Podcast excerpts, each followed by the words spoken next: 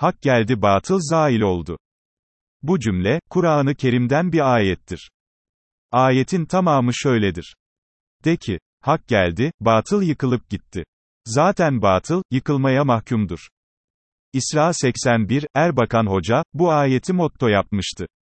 Sıkça söylediği sözlerin başında gelirdi bu ayet. Erbakan'ın partilerinin yayın organı Milli Gazete'nin logosunun altında da, hak geldi, batıl zail oldu yazar. Geçen gün Kemal Kılıçdaroğlu'nun grup konuşmasını dinliyordum. Kılıçdaroğlu, seçimden korkmayın, seçim toplumun isteğidir diye coşkulu bir şekilde konuşmasını bitirirken. Şöyle dedi. Hak gelecek, batılı zail edeceğiz.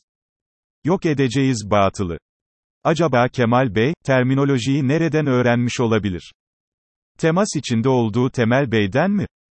Yoksa son zamanlarda biraz fazla mı milli gazete okuyor? Madem Kemal Bey, Erbakan tarzına merak sardı. O zaman kendisine bir tüyo vereyim. Erbakan hocanın en meşhur cümlelerinden biri de şudur. Zafer inananlarındır ve zafer yakındır. Bunu da kullanın isterseniz Kemal Bey. Mukaddesatçı sağa şık bir selam daha çakmış olursunuz. Ümit Özdağ'a göre neyin kavgası bu? Ümit Özdağ, İyi Parti'deki kavganın milliciler ile uluslararasıcılar arasında geçtiğini düşünüyor. Buğra Kavuncu'ya İyi Parti'nin geleceğinin teslim edileceğini, Buğra Kavuncu'nun da uluslararası güçlerin piyonu olacağını söylüyor. Ümit Özdağ'ın olayı konumlandırması böyle. Olayı böyle konumlandırınca da, kendi yaptığını, Sorosçulara karşı bir meydan okuma olarak görüyor. Ümit Özdağ'ın bakış açısı bu. Olaya böyle bakıyor. Bilinsin istedim. Bir baba olarak Sinan Çetin'e düşen görev. Oğullarını bir kenara çekmeli. Ciddi bir yüz ifadesi takınmalı. Ve şöyle bir nutuk çekmeli. Ey oğullarım! En büyüğünüz alkollüyken araç kullandı.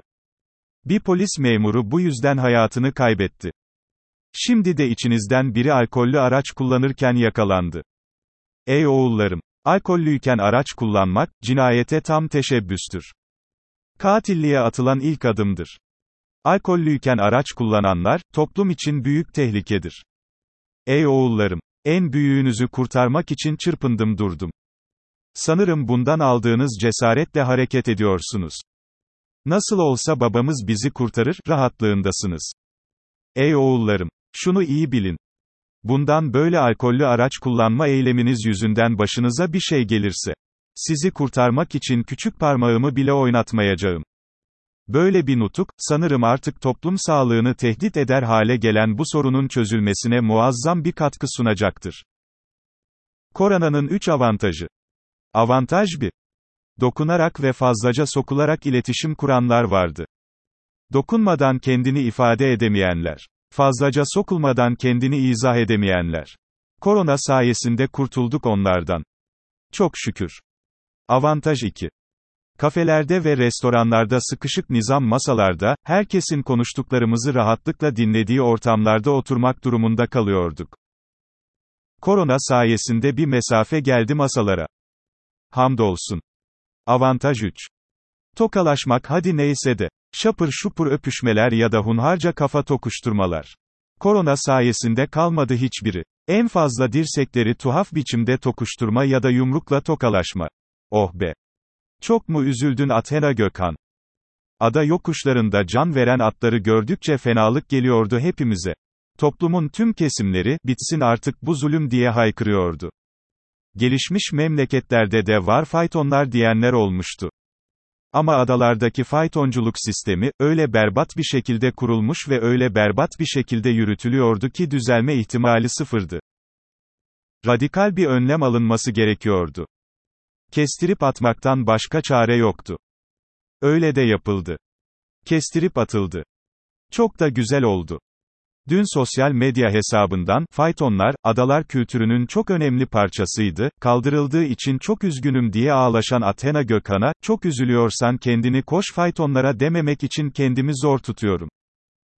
İtikovan Azerbaycan'da yeni tip kamikaze insansız hava araçlarının seri üretimine başlanmış. Bu İHA'lara da İtikovan adını vermişler. Çok kral hareket. Sesli güldüm valla.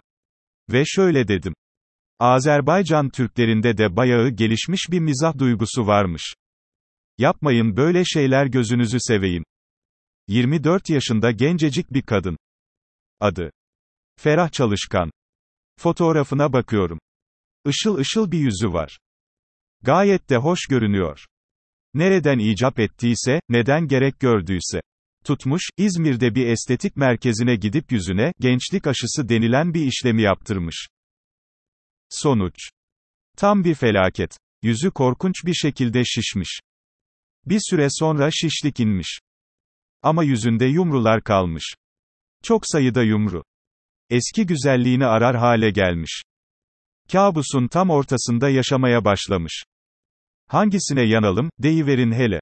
Estetik merkezleri adı altında yapılan kıyımlara mı? 24 yaşında gencecik bir kadının, gençlik aşısı peşinde koşmasına mı? Bu piyasada ortaya çıkan şu lanet olası arz talep olayına mı? Şu lüzumsuz mu lüzumsuz estetik heveslerine mi? Yapmayın böyle şeyler gözünüzü seveyim. Olduğunuz gibi çok güzelsiniz.